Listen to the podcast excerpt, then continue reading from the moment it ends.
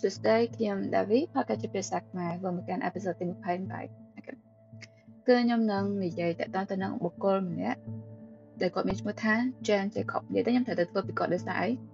ដោយសារតែខ្ញុំយល់ច្រឡំថា Jan Jacob គឺជាមនុស្សផុសតែពិតគាត់គឺជាមនុស្សស្អីអញ្ចឹងទោះយ៉ាងណាក៏ដោយខ្ញុំត្រូវតែមានអេពីសូតមួយនិយាយតទៅជាមួយទៅនឹងអ្នកស្រី Jan Jacob នោះដើម្បីអឺនេះគាត់សងជំនឿចិត្តគាត់វិញអូខេ ចឹងអ្នកស្រី Jan Jacob គឺអាចយើងអាចហៅឈ្មោះគាត់បានទៀតថា Jan Butler ហើយឈ្មោះដើមរបស់គាត់ដោយសារ Butler គឺជាតកូលរបស់ឪពុកគាត់ហើយ Jacob ហ្នឹងគឺជាគាត់យកតកូលតាមប្តីរបស់គាត់តែតើតើជាមួយនឹងអ្នកស្រី Jan Jacob នេះគឺខ្ញុំមានទាំងអស់3ចំណុចដែលចង់និយាយទី1តើតើទៅនឹងជីវប្រវត្តិរបស់គាត់ទី2តើតើជាមួយនឹង ការរិះគន់គាត់ដោយសារអាការ critical របស់គាត់ហ្នឹងហើយគឺជាផ្នែកមួយដ៏ធំសំខាន់នៃជីវិតរបស់គាត់តែធ្វើឲ្យដំណើរជីវិតរបស់គាត់វារៀងមានន័យណាដែលថាមនុស្សយើងម្នាក់តែងតែមានអាប្រវត្តិ background របស់ខ្លួនឯងហើយនឹងចំណុចទី3ជាចំណុចចុងក្រោយគឺយើងនឹងនិយាយអំពីសភៅមួយក្បាលដែលគាត់បាននិពន្ធនិងបោះផ្សាយជាលើត្បូងគឺមានឈ្មោះថា The Dead and Light of the Great American City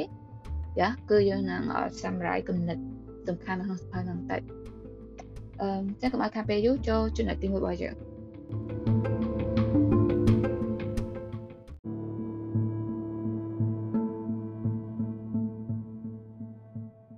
សួស្តីមកកាន់ចំណុចទី1របស់យើងគឺជីវប្រវត្តិរបស់អ្នកស្រី Jacob អ្នកស្រីបានកើតនៅថ្ងៃទី4ខែ5 1916នៅរដ្ឋ Pennsylvania សហរដ្ឋអាមេរិក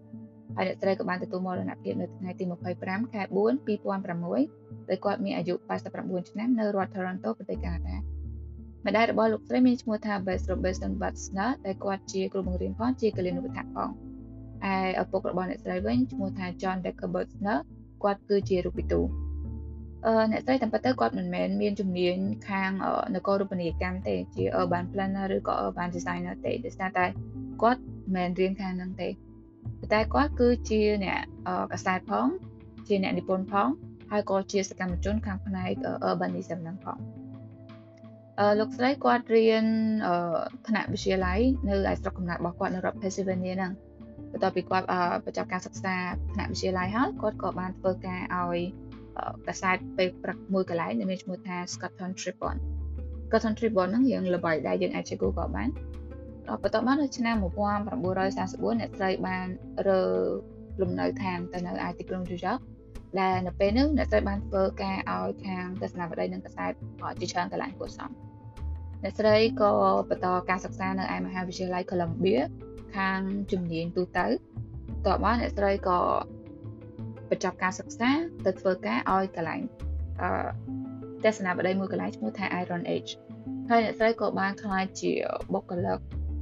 នៅឯការិយាល័យទទួលព័ត៌មានខាងសង្គ្រាមហើយនឹងធ្វើការឲ្យស្ថាប័នរដ្ឋអាមេរិកដែរនៅក្នុងឆ្នាំ1944អ្នកស្រីក៏បានជួបហើយរៀបការជាមួយនឹងប្តីរបស់អ្នកស្រីមានឈ្មោះថា Robert H. Jacob ដែលប្តីរបស់គាត់គឺជាស្ថាបត្យករប៉ុន្តែពីរនាក់គាត់ហ្នឹងគឺចុះសម្រងមួយគ្នាមែនតើដោយសារតែពួកគាត់ពីរនាក់គឺចូលចិត្តអឺធ្វើ ចូលចិត្តនិពន្ធចូលចិត្តការតែងនិពន្ធចូលចិត្តការ observation ការអង្កេតហ្នឹងដូចគ្នាចឹងទៅក៏គាត់ជាមួយប្តីគាត់គឺបានចូលរួមជាមួយនឹងសមាគមសកម្មជនមួយនៅពេលហ្នឹងនៅក្នុងឆ្នាំ1952អ្នកស្រីគឺមានមុខងារជា associate editor នៅឯ architectural firm មួយកន្លែង បើសិនបើយើងឆ្ងល់ថា associate editor ហ្នឹងគឺជាអីយើងអាចចូល check មើល Google បានដោយសារនៅក្នុងហ្នឹងគេ list responsibility តទៅជាមួយនឹងការងារ associate editor ហ្នឹងរៀងច្រើនគួរសមដែរចឹងខ្ញុំសូមអត់និយាយទេហើយគាត់ធ្វើការឲ្យ architectural firm ហ្នឹង10ឆ្នាំចឹងគួរសមបន្ទាប់មកនៅក្នុងឆ្នាំ1961អ្នកស្រី Jacob គាត់បានបោះពុំសភៅរបស់គាត់ ពេញលក្ខណៈមួយជាលើកដំបូងដែលមានឈ្មោះថា The Dead and Light of the Great American City ហើយនៅក្នុងឆ្នាំ1968អឺដោយសារតែមានសង្គ្រាមវៀតណាមលោកស្រីក៏បាននាំស្វាមីហើយនិងកូនប្រុសរបស់ខ្លួនហ្នឹងចេញទៅរស់នៅប្រទេសកាណាដាហើយកន្លែងហ្នឹងគឺជាចម្ងល់ខ្ញុំឆ្ងល់ថាចាហេតុអីសង្គ្រាមវៀតណាមធ្វើឲ្យលោកស្រីត្រូវទៅត្រូវទៅចេញទៅរស់នៅប្រទេសកាណាដានេះជាចម្ងល់អញ្ចឹងត្រូវសួរថាចាអឺ វៀតណាមវ៉ាគឺជាអ្វីសង្គ្រាមវៀតណាមគឺចាប់ផ្ដើមនៅចន្លោះឆ្នាំ1955ដល់ឆ្នាំ1975ដែលជាការច្បាំងគ្នារវាងវៀតណាមខាងជើងហើយនិងសហរដ្ឋអាមេរិកគឺខាងលោកសារីហើយនិងខាងកុម្មុយនីសចេះសួរថាវៀតណាមខាងជើងគាត់ទទួលបានការ support ពីណាគឺពីសហភាពសូវៀតហើយនឹងហើយគឺជាបញ្ហា គឺថាលោកស្រីគាត់បានធ្វើការឲ្យខាងស្ថាប័នរដ្ឋអាមេរិក ប៉ុន្តែអ្នកស្រីគឺគាត់បានបោះពុំផ្សាយនៅអត្ថបទមួយចំនួនហើយគាត់ក៏បានចូលរួមនៅក្នុងជាសកម្មជននៃការតវ៉ានៅពេលនោះដែលបង្ហាញឲ្យឃើញថាគាត់គឺកម្មជើងខាងសហភាពសូវៀតអញ្ចឹងហើយទៅពេលនោះគឺគេបានចាប់ខ្លួនគាត់ដែរគឺគេបានចាប់ខ្លួនគាត់ប៉ុន្តែគេដោះលែងគាត់វិញប៉ុន្តែគាត់ក៏ត្រូវទៅរស់នៅចេញអត់អាចរស់នៅក្នុងសហរដ្ឋអាមេរិកទៀតទេគាត់ត្រូវចេញទៅរស់នៅកាណាដាអញ្ចឹងហើយបានថាសាច់រឿងរបស់គាត់ក្រោយពីគាត់ទៅរស់នៅកាណាដាគឺអត់សូវមានអីជារឿងសំខាន់រឿងជាគេជាពិសេសនៃជីវិតរបស់គាត់ទេប៉ុន្តែអារឿងមុនគាត់ចេញទៅកាណាដានោះបានវាមានរឿងរ៉ាវច្រើនយ៉ាហ្នឹងវានឹងតភ្ជាប់ទៅនឹងចំណុចទី2របស់យើងហើយបន្ទាប់ពីអ្នកស្រីគាត់ទៅរស់នៅប្រទេសកាណាដាបានប៉ុន្មានទៅគាត់ក៏បានសញ្ជាតិជា ប្រជាជនកាណាដាដោយសារតែគាត់ contribute អត្ថប្រយោជន៍ឲ្យប្រទេសកាណាដារៀងច្រើនគួរសមដែរហើយអឺផ្នែកមួយទៀតគឺអឺតើតើទៅនឹងការបោះពុំផ្សាយដោយសារអ្នកស្រីចិនជាប់គឺគាត់ចូលចិត្តការតាយនិពន្ធមែនតើគាត់បោះពុំផ្សាយមិនមែនត្រឹមតែជាសភៅទេ គឺជាអត្ថបទជាច្រើនដែលវាបានផ្ដល់ជាប្រយោជន៍ជាការគិតហើយនឹង effective ទៅលើការរៀបចំក្រុងជាពិសេសនៅទីក្រុង New York ហ្នឹងគឺច្រើនគួរសមដែរហើយខ្ញុំនឹងបង្ហាញគ្នាយើងនៅអត្ថបទនឹងសភៅមួយចំនួនដែលល្បីៗរបស់គាត់ទីមួយនៅក្នុងឆ្នាំ1958គាត់បានបោះសំណាក់បោះពុំនៅអត្ថបទមួយដែលមានចំណងជើងថា downtown is for people អាហ្នឹងគឺពិសេសណាគឺតកតទៅនឹងចំណុចទី2ហើយនឹងសភៅមួយក្បាលទៀតគឺ The Dead and Life of the Great American City នៅក្នុងឆ្នាំ1961 ហើយនឹងសភៅមួយក្បាលទៀតមួយថា The Economy of City 1969ហើយបោះពុំបន្តបន្តមករហូតរហូតដល់សភៅចុងក្រោយបង្អស់របស់ពុំនៅក្នុងឆ្នាំ2004ឈ្មោះឈ្មោះថា The Dark Acre Hat ដែលគាត់និយាយតទៅជាមួយនឹងការធ្លាក់ចុះនៃវប្បធម៌អឺអាមរបស់អាមេរិកមក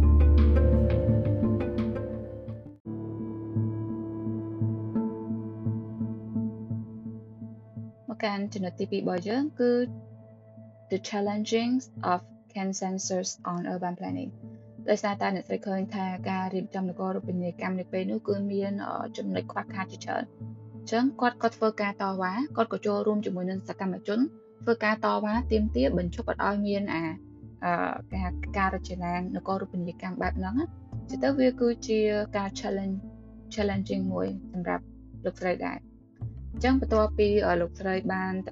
ធ្វើការអង្កេតហើយនឹងធ្វើរបាយការណ៍ទៅលើប្រជិច្ចនៃការអភិវឌ្ឍនគររូបនីយកម្មជាច្រើនកន្លែង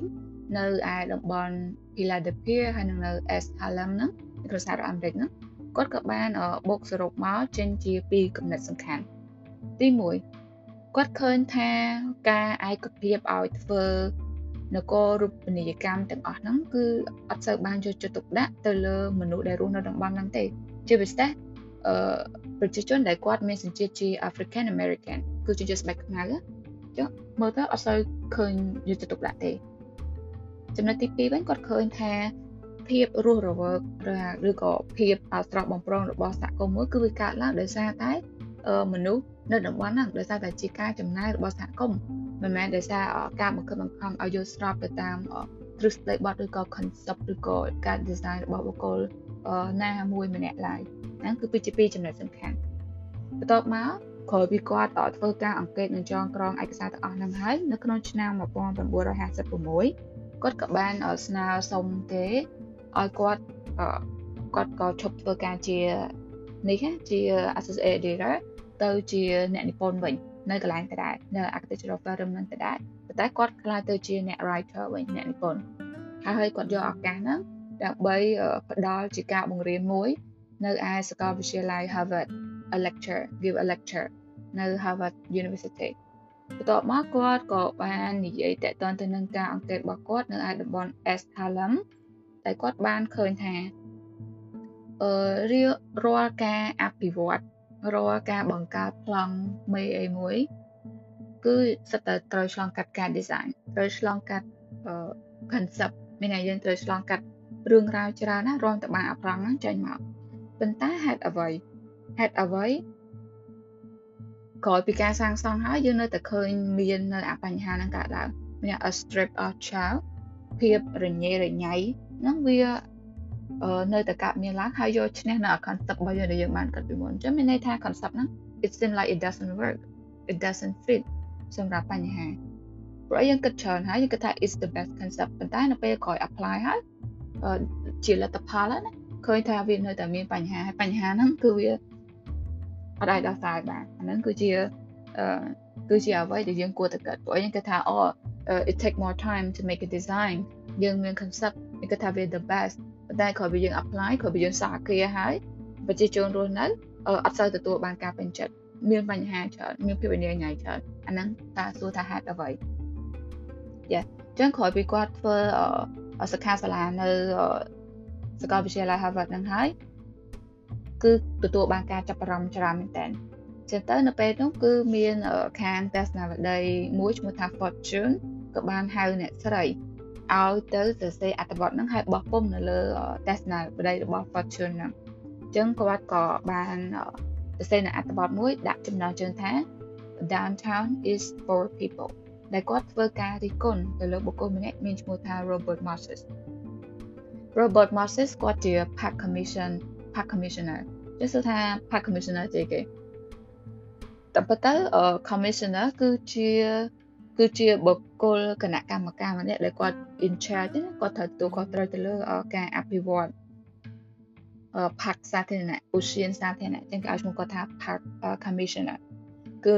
លោក Robert Moses ហ្នឹងឯង ហើយអឺហេតុអ្វីបានអ្នកស្រីគាត់ធ្វើការរិះគន់ទៅលើលោក Robert Moses ដោយសារតែ Robert Moses គឺគាត់ in charge ទៅលើការ redevelopment ខ្លាំងនៅក្នុងទីក្រុង New York ជាពិសេសនៅ Greenwich Village យ៉ាអញ្ចឹងអ្នកស្រីនិយាយថាការ approach មានវិធីសាស្ត្រនៅក្នុងការដោះស្រាយបញ្ហារបស់លោក Robert Moses គឺអឺ មិនសូវជាស្វែងយល់អំពីតម្រូវការរបស់សហគមន៍ទេតែបែរជាផ្ដោតទៅលើ concept ច្រើនជាងដែល concept នោះឈ្មោះថា scale order and efficiency វាមិនសូវច្បាស់ដែរថា concept ហ្នឹងវាចង់បានន័យថាម៉េចទេណាតែយើងនឹងមើលបន្តទៅទៀតថាមានបញ្ហាអីគេនៅ Greenwich Village អឺតែប៉ុន្តែ Greenwich Village គឺជាភូមិមួយដែលទទួលបានការចាប់អារម្មណ៍ពីមនុស្ស គ្រប់ទីកន្លែងដោយសារភូមិហ្នឹងគឺគាត់មានលក្ខណៈផ្លូវឌឿងហែមទៅតូចច្រើនយ៉ាហើយមានផ្ទះសំណង់អគារចាស់ចាស់អឺ restaurant ជាភោជនីយដ្ឋានរបស់ like foreigner ផ្សេងផ្សេង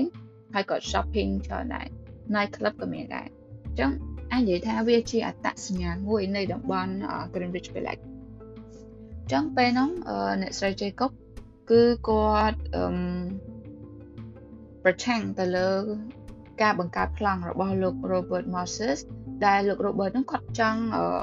វាយចោលនៅអាគារដែលមានស្រាប់ស្រាប់ហ្នឹងនៅអាគារចាស់ចាស់ទាំងអស់ហ្នឹងវាយចោលហើយធ្វើ high rise building អញ្ចឹងបានអ្នកស្រីចេះគាត់គាត់អត់គាត់អត់យល់ស្របណាដោយសារអាគារទាំងអស់ហ្នឹងគឺមានកម្ពស់ពី2ទៅ6ជាន់ហើយសិតតែជាអាគារ like old building អញ្ចឹងវាផ្ដល់នៅអាអត្តសញ្ញាណណានៅតំបន់ Greenwich Village ហ្នឹងទី1អឺសម្រាប់ទី2វិញអ្នកស្រីគឺគាត់អត់ពេញចិត្តដែរតើតើទៅនឹងការពង្រីកដីមួយគម្រោង over expansion មួយរបស់សាកលវិទ្យាល័យ New York ដែលសាកលវិទ្យាល័យហ្នឹងគឺគាត់ propose នៅគម្រោង expressway មួយតភ្ជាប់ Brooklyn ទៅកាន់ Holland Tunnel ដែលនឹងមានស្ពានពីរខ្សែដែលជាស្ពានទៅមកយ៉ា ហើយនៅពេលដែលត្រូវធ្វើអាស្ពានហ្នឹងគឺត្រូវ displacing នៅតំបន់ housing ហើយនឹង business ជាច្រើនកន្លែងមែនតើដែលវានឹងអាចមានផលប៉ះពាល់ទៅដល់ Square Park Washington Square Park ហើយនឹង West Village អឺ Square Park នៅ Washington ហ្នឹងគឺគាត់មាន gate មួយស្តៀងអា Liberty Gate នៅប្រទេសបារាំងណាអា អាខ្លាំងទ្វាខ្លាំងខ្លាំងទ្វាសេរីភាពនៅឯប្រទេសបារាំងវាស្រដៀងគ្នាអា configuration ដូចគ្នាតែខុសគ្នាតែ ornamentation នៃអាចម្លាក់បាត់គេឆ្លាក់នៅលើ gate ហ្នឹងវារៀងខុសគ្នាបន្តិចតែគ្នាយើងអាច check មើលបានហើយអ្វីទៅជា West Village West Village គឺជាភូមិមួយទៀតដែលភូមិហ្នឹងគឺគឺមានអត្តសញ្ញាណរបស់របស់ភូមិហ្នឹងដែរដោយទៅនឹង Greenwich Village ដែរភូមិហ្នឹងត្រូវបានគឺមានលំនៅឋានជាលក្ខណៈ down house ជាច្រើនដែលត្រូវបានសង់ឡើងនៅក្នុងកំឡុងសតវត្សទី19ហើយផ្លូវគឺត្រូវក្របដោយក្រណ្ដប់ដោយ cobblestone អញ្ចឹងវាជា beauty មួយរបស់ West Village ហ្នឹងអញ្ចឹងធ្វើឲ្យអ្នកស្រីគឺប្រឆាំងអឺគោលការណ៍ប្រឆាំងធំបំផុតហ្នឹងគឺតកតងជាមួយនឹង Washington Square Park ហើយនឹង West Village ហ្នឹងច្រើនជាងគេបន្ទាប់មកបាន Greenwich Village យ៉ាប់ហើយអឺ ដោយសារតែ activist ហ្នឹងហើយហើយក៏តកតងជាមួយនឹងអាសង្គ្រាមវៀតណាមហ្នឹងព្រោះអ្នកស្រីគឺជាប់ការសង្ស័យមែនតើថាអ្នកស្រីគឺ support ខាងសហភាពសូវៀតដែលធ្វើឲ្យគេចាប់ខ្លួនគាត់ប៉ុន្តែវាមិនមែនជាទីបញ្ចប់ទេដោយសារគេចាប់ខ្លួនគាត់ហ្នឹងហើយគឺឲ្យគាត់និរតេសទៅនៅប្រទេសកាណាដាអឺប៉ុន្តែក្រោយពីគាត់ចាប់ខ្លួនទៅអ្វីដែលជាជោគជ័យមួយ នៅក្នុងការតវ៉ាព្រឹត្តិការណ៍ការតវ៉ារបស់គាត់ហ្នឹងគឺធ្វើឲ្យគឺធ្វើឲ្យ សហភាពអឺរ៉ុបសំដៅគឺធ្វើឲ្យអាមេរិកគឺដកលោក Robert Moses ហ្នឹងចេញពីតំណែងហើយក៏ធ្វើធ្វើការកែតម្រូវឡើងវិញនៅអាទិសដៅនៃការអភិវឌ្ឍទីក្រុងហ្នឹងគឺមានការកាត់ផ្សារឡើងវិញម្ដងទៀតដោយយកការគិតនិងការតវ៉ានិងគំនិតរបស់អ្នកស្រី Jacob ហ្នឹងគឺយកមកគិតសារឡើងវិញអញ្ចឹងវាអាចនិយាយថាវាជាជោគជ័យដ៏ធំមួយរបស់អ្នកស្រីដែរ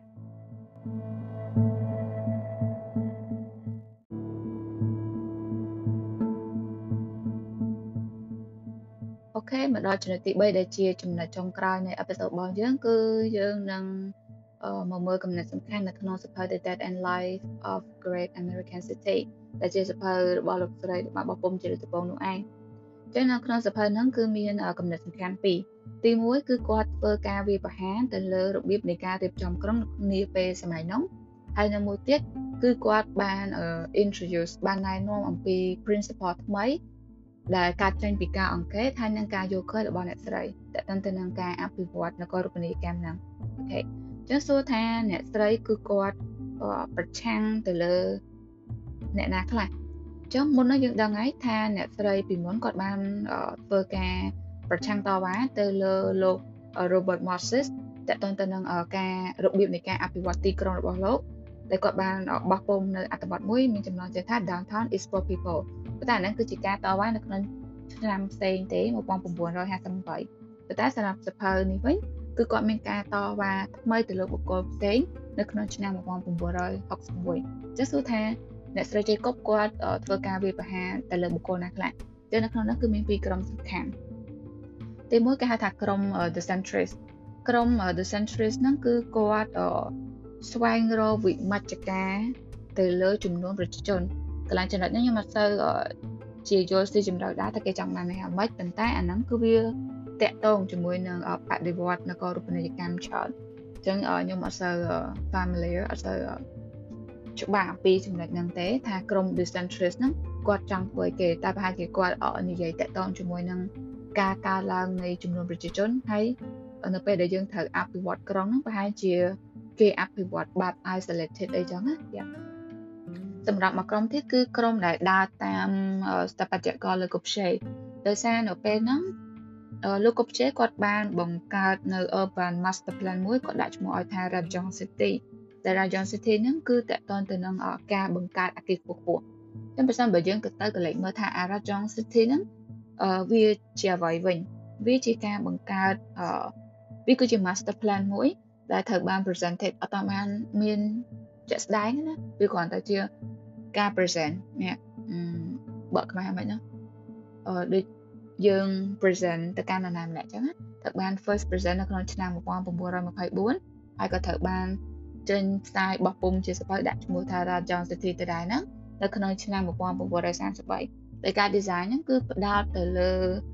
អគារខ្ពស់ខ្ពស់ ហត្ថរចនាសម្ព័ន្ធគឺតកតជាមួយ transportation គឺ vehicle ច្រើនហើយនឹង yeah ហើយចឹងអាគារខ្ពស់ៗទាំងអស់ហ្នឹងគឺគាត់បង្កើតទៅជាមានមាន3ប្រភេទអគារខ្ពស់ទី1គឺអគារ commercial high rise commercial ទី2គឺ high rise luxury living គឺការសម្រាប់អគាររស់នៅខ្ពស់ៗតែបែបទំនើបនិងមួយទៀតអគារបែប low income ប្រហែលជាតកតទៅនឹង affordable living អញ្ចឹងគឺអ្នកស្រីគឺគាត់ប្រឆាំងទៅលើពីរក្រុមហ្នឹងអឺចឹងយើងមកកលេចមើលវិញថាអ្នកស្រីគាត់មាន new principle អីគេតកតទៅនឹងការរៀបចំក្រុមវិញគឺអ្នកស្រីនិយាយតកតទៅនឹង diversity diversity គឺភាពច្រើនចម្រុះចូលគ្នាហ្នឹងគេហៅ diver ហើយហើយអ្នកស្រីគឺគាត់មើលឃើញពីអត្ថប្រយោជន៍នៃអាភាពច្រើនចម្រុះចូលគ្នាហ្នឹងទី1គឺអាចលើកស្ទួយខាងផ្នែកសេដ្ឋកិច្ច នៅក្នុងសង្គមជាពិសេសនៅក្នុងសហគមន៍នឹងតែម្ដងហើយនឹងទី2គឺការលើកស្ទួយទៅខាងផ្នែកសង្គមគិច្ចខាង social ដូចជាការប្រស័យតាក់ទងគ្នាទៅទៅនឹងសុខភាពទៅទៅនឹងការផ្ដល់សេវាកម្មនានាចា៎អញ្ចឹងយើងមកកលេចមើលថាអឺតើមានប្រមាណ principle ដែលអាចបង្កើត diversity បានអញ្ចឹងសរុបមកគឺមាន4 principle ទី1គឺថាអឺគាត់ចង់ឲ្យ អាគារឬក៏អាគារ neighborhood ទាំងអស់ហ្នឹងគួរតែមានភាពច្បាច់ចូលគ្នានៃ function ជាច្រើនចូលគ្នាឧទាហរណ៍ថាអត់គួរ separate ថាអាគារ commercial ផ្សេងអាគារអាគារពាណិជ្ជកម្មផ្សេងអឺឧស្សាហកម្មផ្សេង ការរស់នៅផ្សេង លំហវប្បធម៌ផ្សេងទេគាត់គិតថាវាគួរតែដាក់បញ្ចូលគ្នាគួរតែមាន intermixing uh, this function all together សម្រាប់ទី2 principle ទី2គឺ block should be short កន្លែងចំណុចហ្នឹងគឺពិសេសខ្ញុំខ្ញុំ insure ខ្ញុំគ្រប់ត្រូវ support ចំណុចមួយហ្នឹង short block គឺ support pedestrian នៅពេលដែល short block ឧទាហរណ៍ថា10 20ម៉ែត្រដល់កាច់ដល់ដល់ផ្លូវកែង20ម៉ែត្រដល់ផ្លូវកែងអញ្ចឹងគឺពិបាកធ្វើចរាចរណ៍ដោយការប្រើប្រាស់អឺតូចក្រយានយន្តឬក៏ត្រីចក្រយានយន្តណាដោយសារតិចតិចទៅដល់ផ្លូវកែងតិចតិចទៅដល់ផ្លូវកែងអញ្ចឹងវាអត់ងាយស្រួលក្នុងក្នុងការធ្វើដំណើរទេអញ្ចឹង start block គឺ insurance pedestrian ទី3ទី3តកតទៅនឹងការ preserve អឺអាគារចាស់ចាស់មានន័យថាមិនមែនយើងគិតថាអូយើងចង់ redevelopment តំបន់ហ្នឹងយើងត្រូវតែវាយចោលអាគារទាំងអស់ហ្នឹងទៅយើងត្រូវតែសិក្សាសិនថាអាគារហ្នឹង structure របស់វានៅប្រើការកើតអត់អាគារហ្នឹងវាគាត់តែផ្លាស់ប្ដូរ interior ទៅយើងអាចប្ដូរ function បានឬក៏អត់ ហើយអាគារខ្លះយើងត្រូវវាយចោលមែនប៉ុន្តែសួរថា material ហ្នឹងយើងអាចយកមក recycle វិញបានអត់ចឹងចឹងចំណុចហ្នឹងក៏ខ្ញុំ control កំណត់របស់អ្នកស្រីដែរគឺខ្ញុំគិតថាយើងគួរតែមើលសិនដែលសារអីអាគារចាស់ចាស់មួយចំនួនវាជាផ្នែកមួយនៃ background